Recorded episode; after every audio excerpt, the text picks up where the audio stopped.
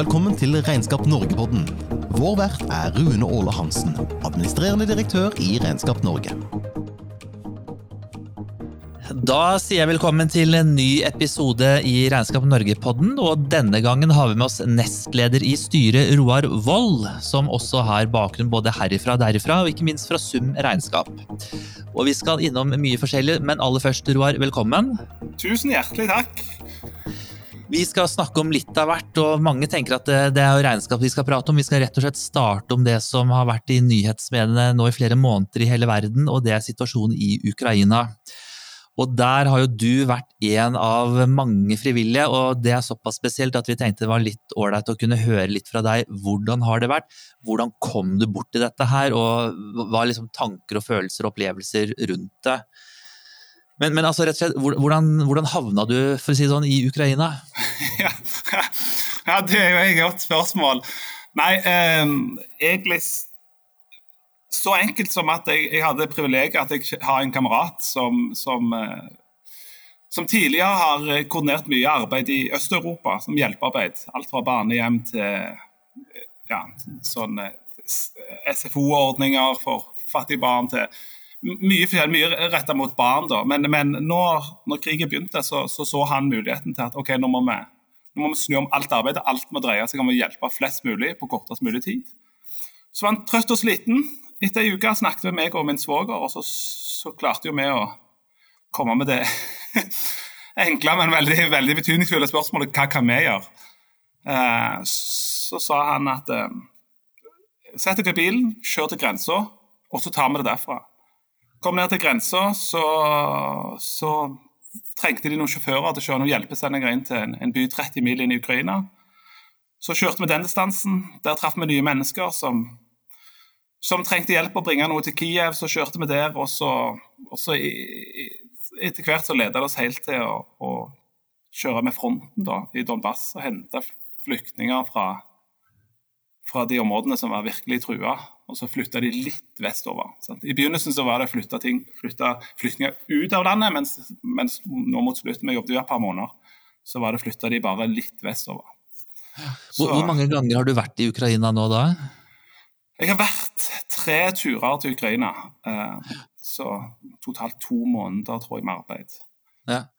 Men, men, det høres jo litt sånn Dere bare drar, og så treffer du noen her, og så treffer du noen der. Det, det, liksom, er, er, det så vilkårlig, eller er det fordi dere har kjent noen og fått noen tips, og så dere vet hvor dere skal kjøre? Nei, både ja og nei. Det, det, som er, det, som er, det, det er noe av det som jeg synes, Når du snakker om Ukraina, syns jeg det er fryktelig kjekt uh, å snakke om Ukraina. Det, er mange grunner til det. En er jo selvfølgelig at jeg synes det er viktig at vi ikke glemmer dette.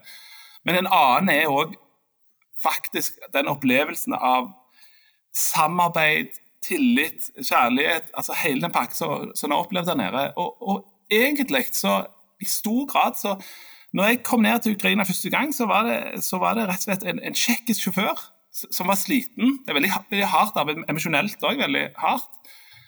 Som, som via via så, så bruker vi, vi bruker rett og slett sånn WhatsApp eller Telegram, altså sånn type sosiale nettverk. Så fikk jeg høre at vi var der, så, så jeg fikk bare bilen hans. Eh, så jeg bare overtok hans bil. For øvrig så fikk han min Tesla, da, så han kjørte hjem til Tsjekkia. Så det er jo litt spesielt. Etter, vi hadde én tur inn sammen. Eh, og, så, bygger du nettverk mens du jobber. Eh, veldig mye av det har, har, det har vært noen huber. Altså, jeg, jeg, kjente jo han, Kameraten min de, de har et senter i Kiev og et senter i, i vest i, i, Ukraina. Så Da hadde jeg det som en hub. Sant? Jeg kunne kjøre dertil med, med hjelpesendinger. Og så, og, og, måte, og så, ble det levert flyktninger der som kjørte andre vei. Men etter hvert så utvikla seg Så bare bygde du nettverk, bygde du nettverk. Eh, og den dag i dag, eh, senest i går, så sitter jeg på telefonen fortsatt og, og kobler mennesker. Ja, men han trenger, og de trenger det, og en som trenger skuddsikker hjelm. og altså, sånn, så så bare jobber vi sammen. Så det har, det har, rett og slett bare blitt til uh, av, på grunn av behov. Men det, det er fantastisk å høre, og så vil jeg tro at det er jo mange som sikkert har kjent på den følelsen. ikke sant? Uh, uh, hører nyhetene, ikke sant? og hva kan vi gjøre? Jeg skulle gjerne gjort noe, men det, det er jo, for de fleste av oss er det sånn fra å tenke at vi burde gjøre noe, til å faktisk gjøre det. Eh, og, og, det er litt mitt spørsmål her. Er det sånn at du, hvis, hvis, noen av de som hører på oss nå, eller, eller hører på denne podkasten etter hvert, tenker sånn at søren, det her har jeg lyst til å gjøre nå, vil du si bare kjør ned, eller vil du si at ta kontakt med meg, så skal jeg tipse deg videre? Ja, jeg ville sagt ta kontakt med meg, så skal jeg, skal jeg tipse videre. Um, og, og, det har noe òg med at nå har det gått seg til. Altså Nå har krigen vart i, i, i fire måneder. Så, så nå, nå, er det et nettverk. Nå, nå, er det på en måte blitt et slags profesjonelt arbeid. så kan si det på den måten. Mm. Uh, så I begynnelsen var alt litt armer og bein, og, og sant? tillit var driveren. Og et sånt felles ønske. Men, men nå, nå, har det satt seg litt. Så nå tror jeg ja, men eh, Er det noen form for håper, samarbeid med enten ukrainske myndigheter eller ukrainske organisasjoner? Fordi, eller er det sånn at det, her kommer det sånn som du, da, frivillig fra håper, hele Europa, så bare ordner og styrer? Uh, uavhengig av de som bor der, eller, eller er, det må jo være noen form for koordinering på et vis? da? Ja, det er det. Uh, som, som, som, som, ble til. Sant? Så ja. når vi bygde Og, og, og veldig mye av det, det, det sagt, veldig mye av det er forskjellige typer kirke altså Det virker som kirka er og, og da er det ikke om, om det er alle typer kirkesamfunn. Det virker som det som institusjon er en viktig ting i krig. altså fordi det har blitt der blir liksom litt hubbende. Det er en slags trygghet for mennesker òg. At her, her, er det, her er det shelter å få, og, og, så, og så kontakter de. og, og Den ene kirka oppretta et hjelpenummer, et 800-nummer, i Ukraina eh, ganske mm. kjapt mm. når krigen starta. Så ringer folk inn. sant? Så, så Og, og vi, vi hjalp, hjalp, med oppbygging av eh, En av de tingene vi kom borti, det var rett og slett bare i her Butsja Irpen er det mange som har hørt om, som ligger rett vest for, for Kiev. det er som, som utsatt for total utsletting. Men det er veldig mange små landsbyer som også opplever det samme. Eh, så dukket vi borti en, en, det er òg en, en, en kjerke som da eh, måtte rydde rent og hjalp disse menneskene som hadde mista hus og hjem og alt. Eh, og når vi kom, så har vi mer ressurser. Så da, så, så da, kunne vi spille på nettverket med å kjøpe små modulhus som vi satte på enden av tomta. Så det gjorde at de kunne starte opp livet sitt igjen. Mm. Så kobles, eh, og så kobla vi på noen nye igjen, så, eh, som kunne være med å finansiere videre. Så, sant, så dette, ja, det vokser og blir til, men det, det er kobla mot lokale. Det er jo lokale mm. folk som ser behovene. Og vi ser at nå når vi kjører i øst, nå, når vi, eh, nå, nå kjører jeg ikke lenger, men på slutten når vi kjørte helt i øst, helt mot fronten, så, det, så, så, har vi alltid med oss ukrainere. Det er ukrainere som tar samtaler, finner ut hvor er det der mennesker som vil bli henta eh, osv. Så, så Så vi blir bare en del av det nettverket. Men det er klart at det vi har, er ressurser.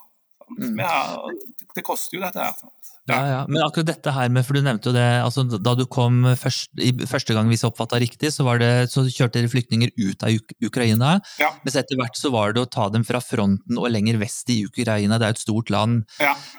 Hvordan opplever du, og vi har i og for seg hørt det litt her hjemme også i Norge, at det kommer færre flyktninger enn man har trodd. Ja. Eh, og, og, hvordan opplever du det? Ønsker de å være til liksom, Hvilke følelser det, hva, hva, hva, gir du uttrykk for disse som du hjelper da, fra, fra fronten? Og så vil de tilbake igjen, vil de ut av landet? Ja. Eh, veldig det, det, er sånn interessant, for det er Ukraina, men jeg kjenner igjen noen sånne gamle altså, som jeg opplever som gamle norske verdier. Veldig, veldig stolthet av jorda. Veldig lyst til å bygge opp landet. Veldig sånn Til en viss grad sånn dette skal vi, litt, litt, skam for å motta hjelp, for vi skal klare oss sjøl, vi skal slåss, vi skal fighte. Uh, så, så en enorm altså, Jeg opplever en veldig veldig lyst til å forsvare landet sitt. og, og, og og veldig lyst til å ikke forlate. Så, så det er nesten sånn eh, jeg snakket med en amerikaner for kort tid siden, Christian Campbell, som er kjører der ennå. og Han sa at det er nesten blitt absurd. nesten Av og til må forhandle med mennesker og si ja, men dere må. sant? Tenk på barna deres, for det er så farlig nå. Så, så her, her, Det er et folk som virkelig har lyst til å, til å bo der de, der de bor. sant? Ja. Hva er det vanskeligste du har opplevd, eller mest krevende, hvis det er noe, har, er noe som står fram? Um, nei, det, det, det, det, som, det, som, er litt sånn nesten ironisk, det er jo at en opplever utrolig mye kjærlighet. Uh, og, og, og, den er av og til smertefull sant? når far sier ha det til Sånn, jeg, jeg, jeg, kjenner det ennå, men, men, men, men jeg, jeg siste turen jeg henta, så hentet jeg noen i en by som heter Barmut, som er helt mot fronten, nærheten av mm. Så, Så, så, så, så, er det far som skal si ha det til, til, til, sønnen og til kone, og, og, og, og, som vet at kanskje er dette et, um, et farvel. Um, mm. Så står du der som tilskuer, og, de, de, de episodene er det mange av. og det det er veldig flott, på en måte flott, for det er flott å se kjærlighet mellom mennesker. Men samtidig så kjente vi at vi, vi kalte oss Weeping Vikings, meg og min, min svoger. For etter hvert så, så det, skulle det så lite til for, for å få oss til rett og slett begynne å grine. Fordi, fordi du ble så sånn tynnslitt emosjonelt. Eh, så, så, det er kanskje det som var tøft når folk skal si farvel. Utrolig tøft. Ja. Ja, for Det er vel litt det du sier. Altså det, det, er jo, det, er jo, veldig emosjonelt. Og hvordan, hvordan, takle det? Hvordan har du, hvordan du og svogeren din taklet det, og dere andre som også har vært frivillige når dere har kommet hjem? Er, jeg tenker litt sånn, Dere skal jo bearbeide noen tanker, noen opplevelser. Ja, og det er også en ting som sant, altså alt, altså en, en, De sa vel at vi, vi, bygger et fly mens vi flyr, sa vel disse ukrainerne. sant? Eh, og, og, og, nå skal vi fylle drivstoff på det òg. Altså liksom, de hadde sånt bilde av at dette er alt må jo bli til. Så selv det med debrief og sånn var noe som, som, som, som måtte som en bygde underveis. Og, og, og der Min svoger eh, jobber på, på sykehus, eh, i traumeteam, eh, har den erfaringen. Så, så, det er noe han tok med seg inn. Jeg husker mm. spesielt godt eh, disse sjåførene vi skulle hente noen på den eh, jernbanestasjonen på Kramatorsk. Eh, akkurat da så var ikke verken meg eller min svoger med. Men da det var for de som husker, det var mye spilte, for Akkurat da smalt det ei bombe på den jernbanestasjonen, og det ble 60-70 stykker drept. Eh, og vi sjåfører vi har jo ingen trening i dette, men vi hadde fått, vi hadde fått sånne turnikeer av noen amerikanske ekssoldater som hadde trent oss opp. Eh, og det er jo bare Helt tilfeldig. I Kiev så hadde de trent oss opp hvordan vi bruker dette, og så hadde de gitt oss utstyret. Skuddsikre vester og turnikeer. Så da hadde vi turnikeene og, og da, sånn, Det første de møtte, var ei 17 år gammel jente som hadde fått eh, rett og slett en splint rett gjennom låret. så Pulser og alt hadde gått. Eh, så de måtte som, stramme til dette og, og redde, redde hun jenta.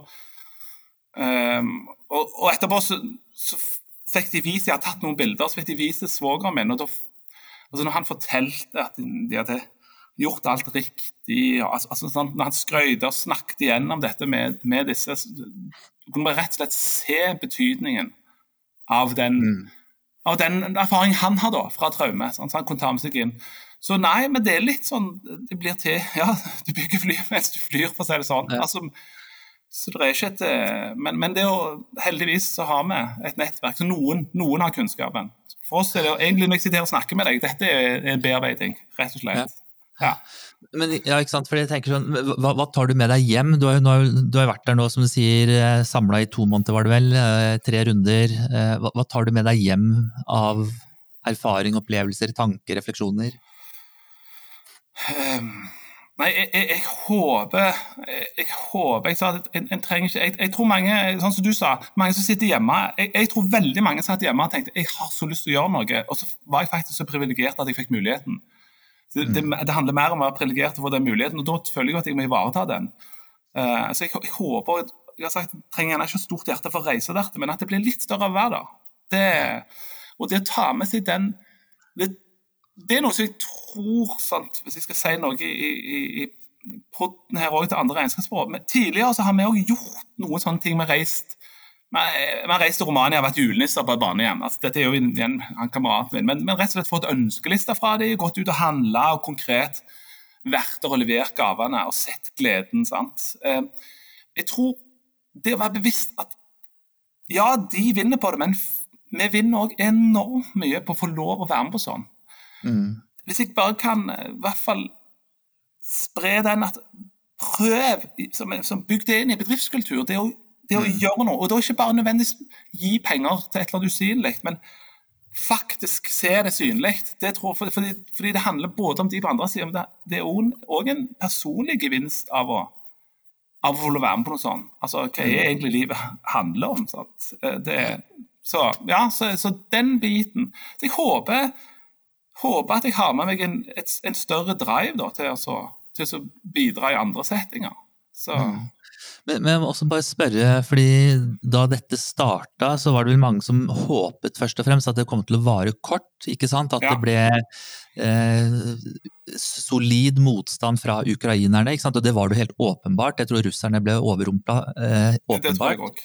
Og så har vi håpet at dette kanskje av den grunn går fort over. Så ser vi at nå varer det, og vi hørte jo for ikke så lenge siden generalsekretæren i Nato som sier at dette kan vare i flere år. Hva er dine tanker, jeg tenker her har du sikkert også snakket med folk da, i mm. Ukraina. Hva, hvordan de, hva tenker de om framtiden? Har, liksom, har, du snakket med, med, noen om det? Nei, ja, eh, og du spurte egentlig hva som smerter litt tidligere. Eh, og det, det, er vel kanskje nummer to, da. Det at det, var en, en, en, veldig sånn sterk drøm og passion altså, at, dette må ta slutt. Eh, og, og det, min svoger han, han, konsekvent ser ikke på nyheter lenger. Altså, han orker ikke um, å se fra Ukraina. For det, fordi det går så innpå han, rett og slett. Uh, han kan snakke om de konkrete tingene vi gjør, men ikke se nyhetene. Så, så, så, og, og, det ser jeg òg med ukrainerne. Så snakket vi om når krigen er over, og festen vi skulle ha. og, og, og jeg var også bevisst noen, noen, av de som kjørte ut, så sa, jeg, så sa jeg til dem at jeg gleder meg til jeg skal kjøre dere hjem. Um, som en sånn påminnelse om om håp. Mm. Men, det, men, det, er jo det er tøft. Jeg ser at vi lar være å snakke om det nå. Jeg ser at vi ikke kommer inn på det nettopp fordi vi merker òg i øst, altså i Donbass, at sant, sakte, men sikkert, utrolig sakte, men med utrolig mange liv på samvittigheten, så flytter russerne seg litt og litt framover. Så akkurat nå så, så ser det ikke godt ut, altså. Så nei, Nei, det er jo det ene. Det andre også er jo apropos nyheter. ikke sant? Ja. De første dagene og de første ukene så var jo dette førstesidestoff og hovedoverskrifter. Og så ser vi jo nå at det omtales jo fortsatt, men det blir lenger og lenger bak ja, i aviser, lenger og lenger ned på nettsider. Altså, det er nesten sånn at det blir en normaltilstand på et vis.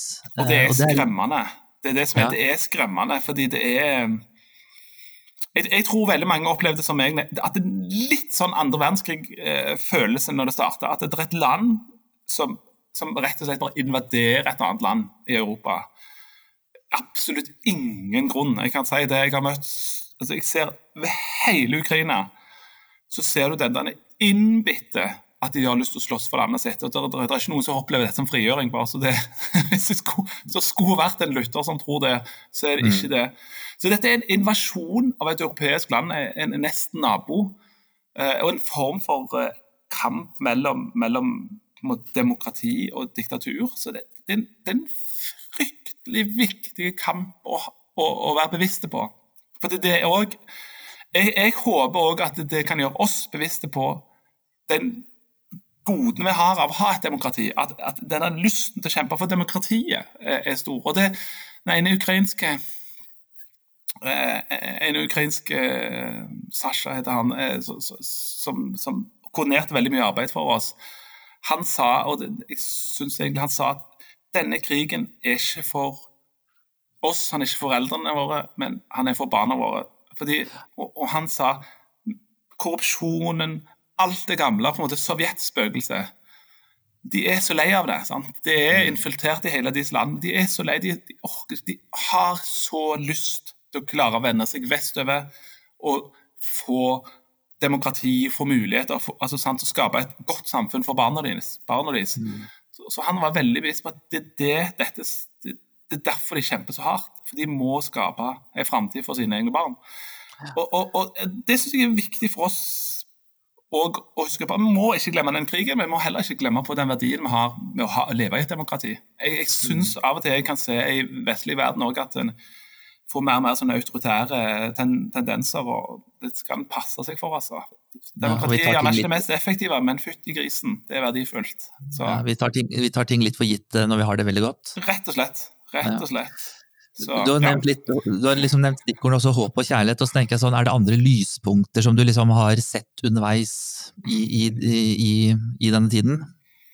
Det, det, er bare Det er det, det, jeg, skal ta en, siste historie som jeg syns er veldig sånn illustrativ. Eh, jeg, jeg synes det, er, det, er rett og slett Det kan kanskje høre litt klisjé ut, men det å se det gode i mennesker, altså det å se at når det faktisk virkelig gjelder, så er det så mange mennesker som reiser seg opp og som kjemper for det som er godt og riktig. Eh, og Det er en episode der jeg skulle kjørte, kjørte ei dame med veldig mye angst. Utrolig angst. Og det er selvfølgelig, de skal ut helt ukjente. Hun, hadde, hun var handikappa, hadde ett kontaktpunkt. Én person som, som, som, jeg skulle liksom kjøre henne til i Polen. Jeg kunne ikke språket, jeg kunne ikke hennes språk. Uh, og så, så har, men, men, jeg har han som en prikk på, på kartet på sånn WhatsApp. Det som er brukt liksom sånn, sånn. Uh, altså Jeg forteller, viser henne hele veien hvordan vi nærmer oss denne prikken. Når vi kommer dertil, så er det et inngjert område med, med vakt. Uh, om det er militært eller ikke. Det er rett over grensa i Polen. Uh, og da får hun helt panikk. Så jeg har ingen andre valg enn å bare stoppe bilen rett foran porten uh, til dette inngjerdede området. Og springe rundt bilen for å ta meg av henne. Og Da kommer en, en av disse vaktene der, væpna vakt, uh, kjempehiskig, kommer mot meg og liksom som, og, og, begynner å kjefte på meg. Så Svogeren min som kommer i bil, stopper også rett siden av, tar seg av henne mens jeg, får, mens jeg mottar kjeften. Så klarer jeg likevel å få formidla til han hva det gjelder. Får vist han telefonen. Han overtar telefonen. Han ringer til det vedkommende som er der inne, for polsk og ukrainsk er så likt, de forstår hverandre. Uh, og idet han kommer ut Da er ei dame der som har full angst. Uh, Idet hun ser sin slektning, eller hvem det er hun skulle treffe, så går det fra full angst til full trygghet på ett øyeblikk. Du ser den der Alt som letter fra henne. Og det ser jo han her vakten òg som fem minutter senere, tidligere så sto han og skjelte oss ut. Etter altså fem, altså fem, minutter senere så står han der og kjemper mot, eh, mot eh, tårene. Jeg kjenner det selv nå, liksom. Og så tar min svoger og legger hånd på skulderen og sier 'thank you very much', og så bare triller tårene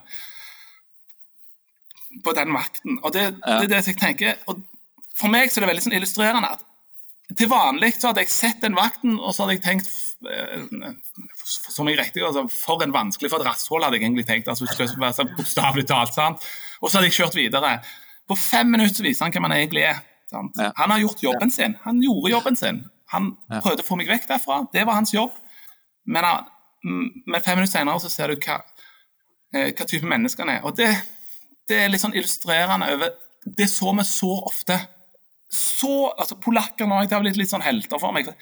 Så utrolig mye hjelp vi har fått. altså Alle var villige til å løfte oss fram og, og hjelpe oss når de så hva vi drev med. Mm. Akkurat den biten der, utrolig fint å se at vi, når alt kommer til alt, eh, så plutselig så skreller vi av alt det unødvendige, og så, og så kjemper vi for hverandre. Det, det, var fall opplevelsen jeg hadde. så Veldig fint. Det var egentlig en veldig fin måte å runde av denne sekvensen på. Det er nesten rart å gå videre med. Utrolig, det var veldig viktig å få høre om opplevelsene dine. Det tror jeg er eh, nyttig for flere, for å si det sånn. Men, men vi er jo nok en eh, dog Regnskap Norge-pod. det. det. det er litt sånn, sånn pussig og brå overgang, men vi er jo så veldig dyktige, så det fikser vi fint. Det fikser vi fint. Eh, ikke sant? Men da er det jo rett og slett å ta det over til det helt nære og kjære, og da skal vi snakke om eh, det som du har vært på å starte, som er Sum regnskap. Eh, og de, dere, eller de, sier at eh, de vil at kundene skal lykkes med det de holder på med. Hva betyr det i praksis? Hva er det dere gjør for å bistå med at kundene skal lykkes? Ja. Det her var noe helt annet nå, ikke sant? Jo, jo, på en måte, men på en annen måte ikke, Rune. Fordi at, fordi at hva er fundamentet for, for et godt samfunn? Det er et sunt næringsliv. Altså, det, er, det er rett og slett et, et, næringsliv uten korrupsjon. Et næringsliv som, som, som, som løfter fram og, og, og, og forbedrer. Det, det, det, er et godt samfunn, og det er det vi vil kjempe for. Vi ønsker at de som har nye ideer, skal få disse ut. De som har bedre metoder å, å gjøre noe på, skal få, skal få det til. Eh, og, og, Sånn sett så, så, så, jeg ikke, så er det kanskje ikke så så er det ikke så kaffefjant vekke det vi holder på med. For det er det hele, hele bransjen vår egentlig gjør. Vi, vi hjelper næringslivet. Eh, og, men jeg tror eh, Og det var et ref til spørsmålet ditt. Eh, så har jeg sagt vi, vi, er i en helt unik posisjon i regnskapsbransjen. Vi, vi, vi er i en sånn tillitsposisjon med høyre hånd med, som, som jeg virkelig drømmer om at vi skal utnytte til fullest. Jeg tror verken oss eller noen andre i bransjen vår utnytter den muligheten vi har til å hjelpe bedrifter til å lykkes.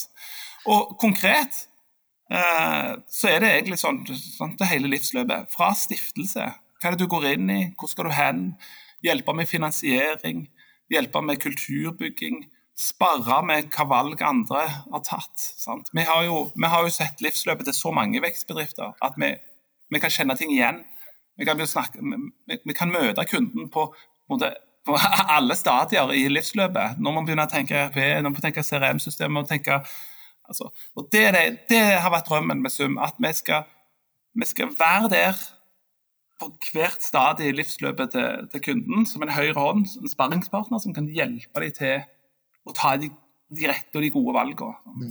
Er, det der, nå må jeg bare spørre, er det derfor det heter sum? Summen av alt, eller er det en annen grunn? Nei, det, vet du det var så tilfeldig at den gangen så var det bare at vi ville ha et enkelt domene, og så satt vi bare, og så, og så ble det bare Og så lager du selvfølgelig historien etterpå, men vi satt jo bare og lagde alt mulig slags ord, og kanskje litt som vår bransje, at det ble, ble jo veldig mye sånne pluss og minus og eh, men, debit og kreditt. Men nå har du fått et gratis tips av meg, nå kan du si at det betyr summen av alt. Det betyr summen, ja, jo, men logoen vår, logoen vår den, den, så, så, du traff litt. Den er egentlig en sånn siste, siste brikke i puslespillet. Altså, vi har en liten sånn globus med en, sånn, en del som er oss, på en måte, som passer inn i og det. det var kanskje, så, så, tanken er jo at vi skal, vi skal være den siste brikka som får det til å får alt til å henge sammen. Så, ja. så way off var det ikke, men jeg får ta den historien. ja. Men, men, dere sier også at dere identifiserer det med Warren Buffetts sitat 'accounting is the language of business'. Og hva betyr det? Ja, og det, grunnen til at jeg, jeg syns av og til at vi har et ufortjent dårlig rykte. Altså um, jeg, jeg, Sum eller regnskapsbransjen? Regnskapsbransjen, ja. det var godt det ikke var sum. nei, nei men, men, men, bransjen Jeg skulle sånn så likt at alle unge fikk vite hva slags muligheter det er til å forstå bedrifter. forstå næringsliv. Altså, De syns aksjer er spennende, de syns eh, finans er spennende, men, men, men her, dette er altså verdens kanskje beste investor gjennom tidene, som sier at ja, Hvorfor er det? For de forstår språket til businessen. Mm.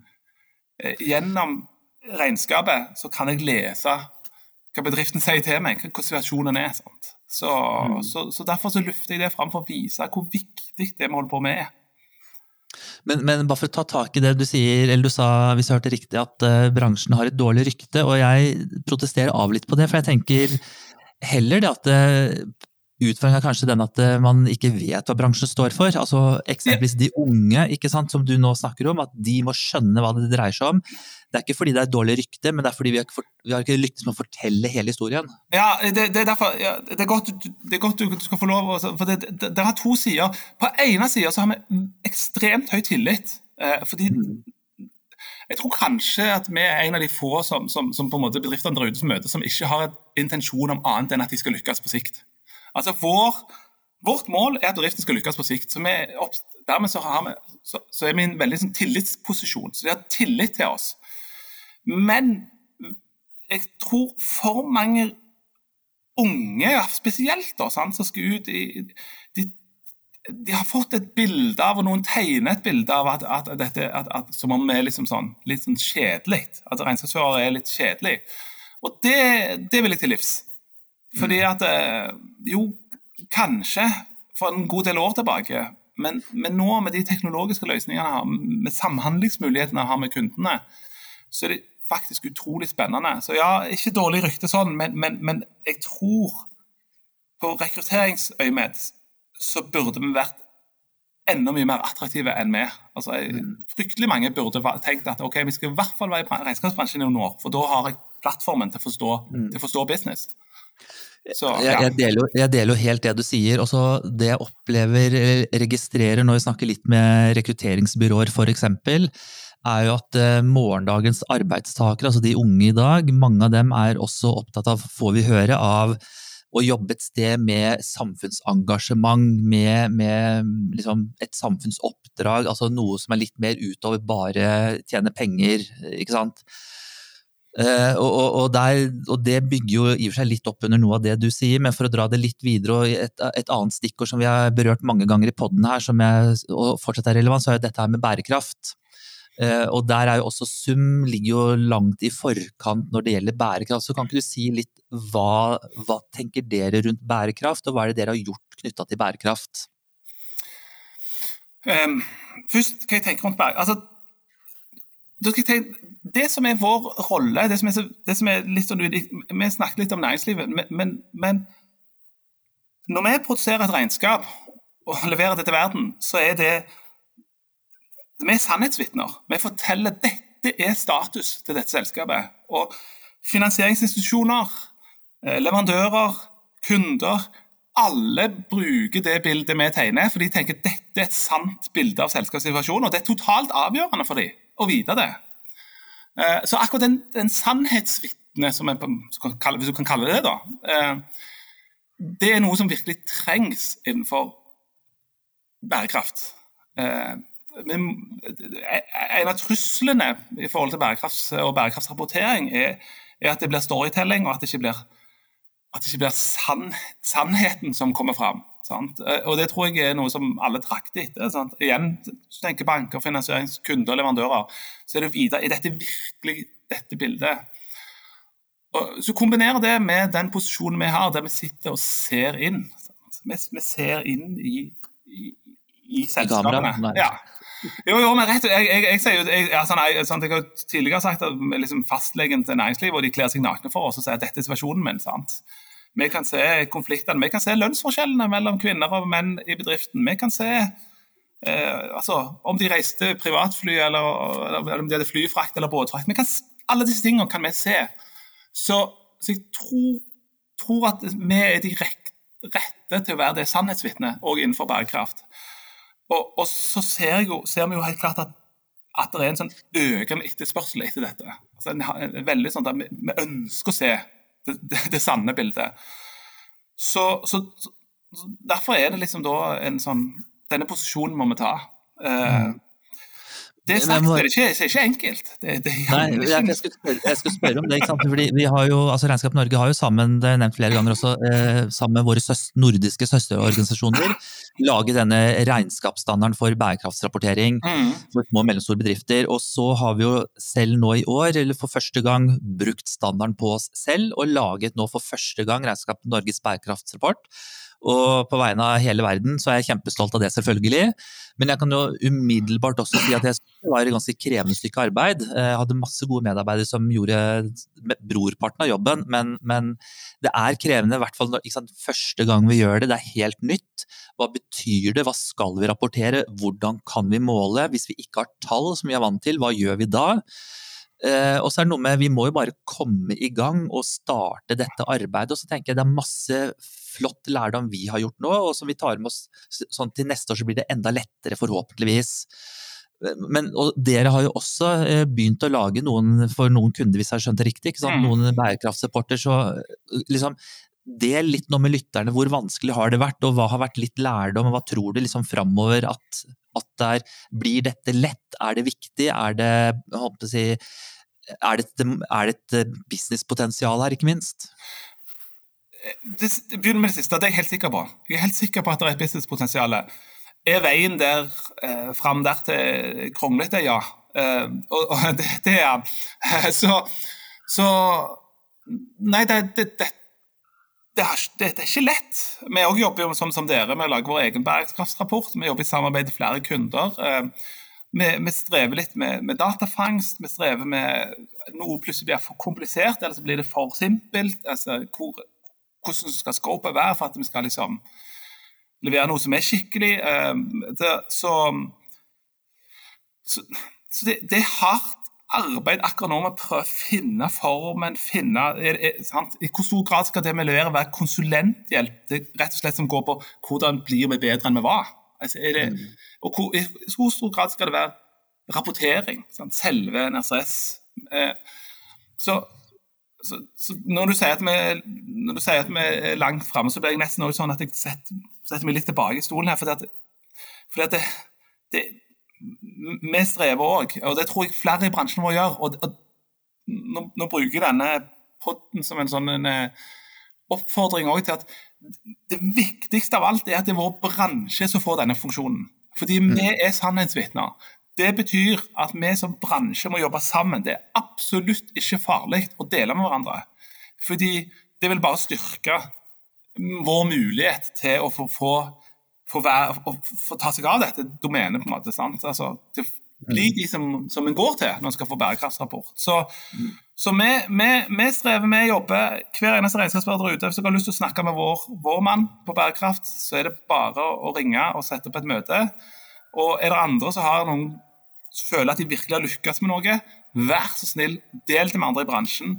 fordi at det, eh, her, må, her, må, veien bli litt til altså, mens, vi, mens vi holder på. Mm. For det er, ikke, det er ikke enkelt, rett og slett. Eh, og jeg, jeg, er utrolig enig i den oppfordringen der, og jeg deler og slutter meg helt til den og bare gjentar at uh, er det folk som har spørsmål knytta til bærekraftsrapportering eller erfaring, så ta kontakt eller del rundt omkring. Vi legger jo vår rapport uh, åpent ut nettopp for å håpe jeg inspirere og dele og, og bidra til lærdom. Og, og, jeg tror det at det er litt ålreit at sånn som både du og jeg forteller at det er litt vanskelig å komme i gang, men vi gjør det, og vi får det til, og så lærer vi, og så blir det enda bedre neste år, eh, neste gang vi skal gjøre en slik rapport. Men, men hvis du, bare på dette her for å runde av denne biten, eh, hvis du skal gi en, et lite råd, et lite tips på veien til noen som skal begynne, hva vil det være? Det er i hvert fall at du må ha en dedikert Du må, sette, du må dedikere ressurser til det. Altså, eh, det vi gjorde, vi har, vi har en ung som har skrevet en mastergrad på, på, på, på bærekraft, som brenner for dette temaet. og, og det å si at OK, vi skal investere i deg, altså det du syns er, altså, det du synes er viktig, sant? det skal du få tid til å jobbe med. Eh, vi forstår at her blir det ikke Her ligger inntektene lenger nede i gata. Det er ikke så, så, så, så vi klarer å selge noen, og så blir vi happy. Altså Rett og slett sett av tid og ressurser, satse litt på det. Investere, som det heter. Investere var vel ordet. ja. ja, rett og slett. Investere. Det, det tror jeg Jeg tror, jeg tror det er mye å vinne på det, og, og, og in the long run, tror jeg. Mm. ja.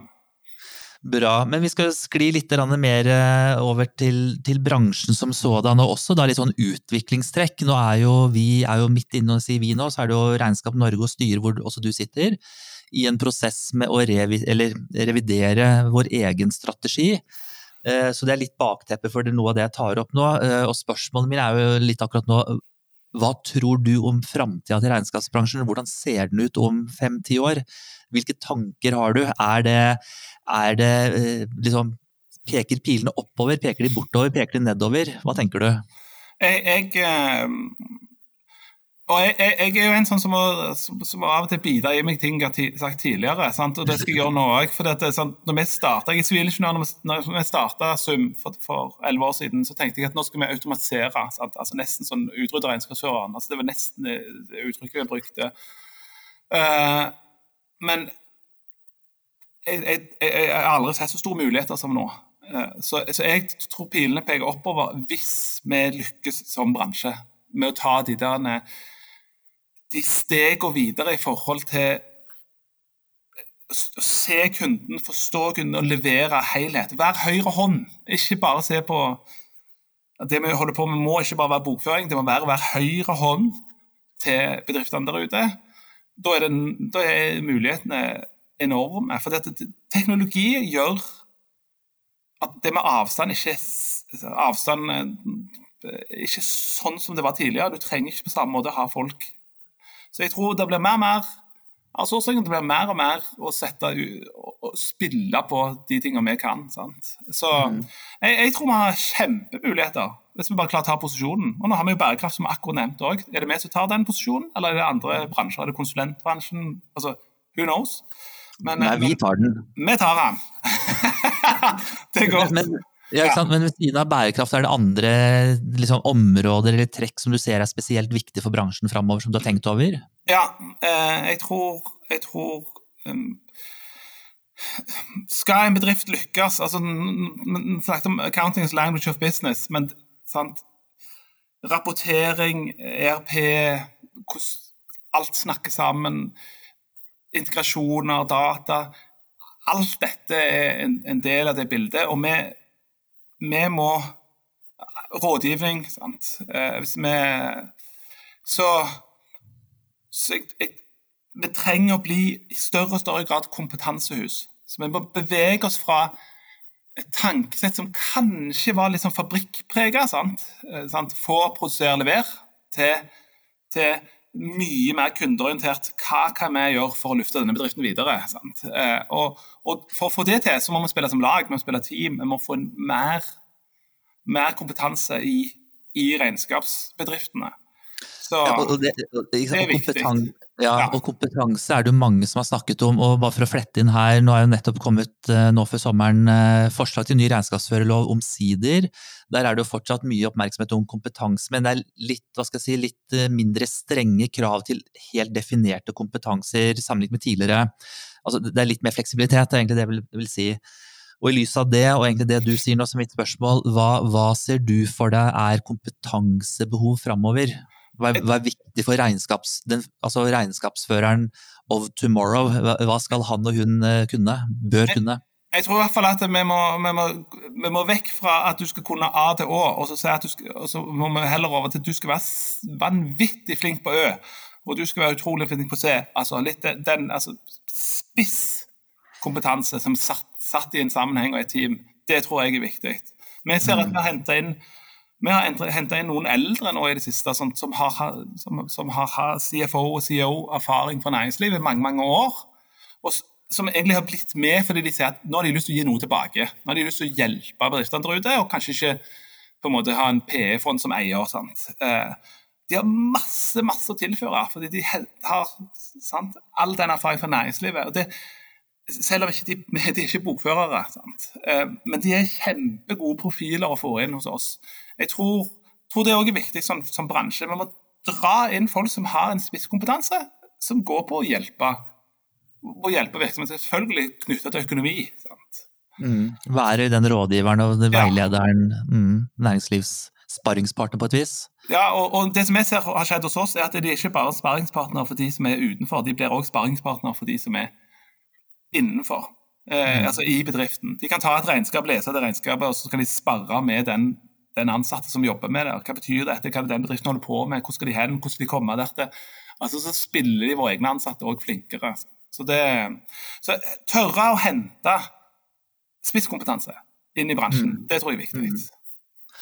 Og i lys av det, hva tenker du er viktig at Regnskap Norge gjør? Hva skal vi, eller la meg si det på en annen måte, kan Regnskap Norge bli enda bedre? Vi er jo knallgode med det som er svaret. kanongosete um, Nei, jeg, jeg, jeg tror Jeg har sikkert fare for å gjenta meg sjøl, men det viktigste er at vi tar mer av verdikjeden.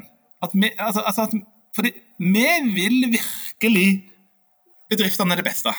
Eh, Det er noe jeg er helt sikker på. Det er noe som kjennetegner hver eneste sant, treffer fra vår bransje. Det er at en drømmer om at bedriftene som de har, skal gå bedre.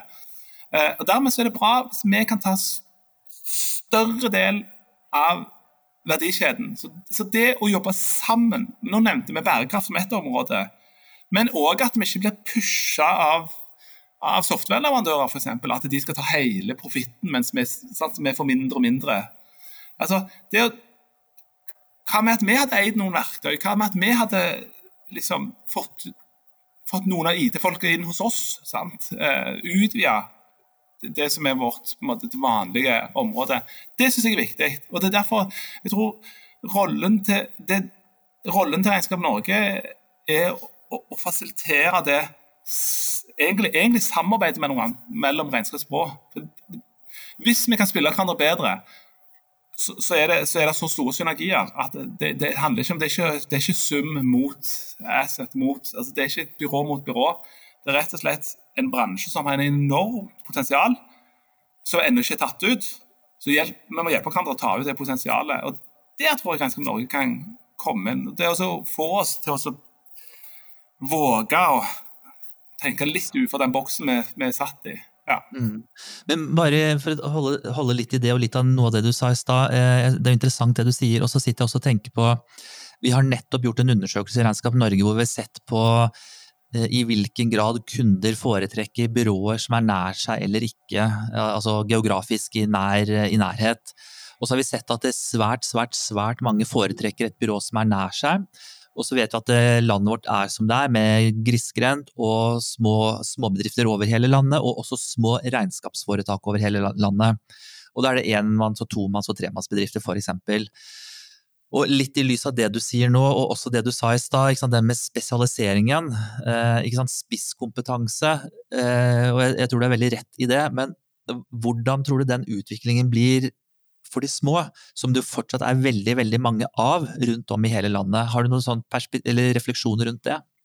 Jeg tror, jeg tror um, jeg, det, det, det, viktig, det, er et viktig poeng som du akkurat sa òg. Det er ganske interessant, for vi hadde en kunde vi flytta mellom to kontorer hos oss, og da sa kunden sjøl at det er et IT-selskap som, som, som, driver på en måte, de, som har kunder overalt. og Allikevel så sa de at de hadde ikke sjøl innsett det før vi flytta de, at hvor viktig det var for dem at det var geografisk nært, selv om de ikke kom inn på kontoret vårt engang.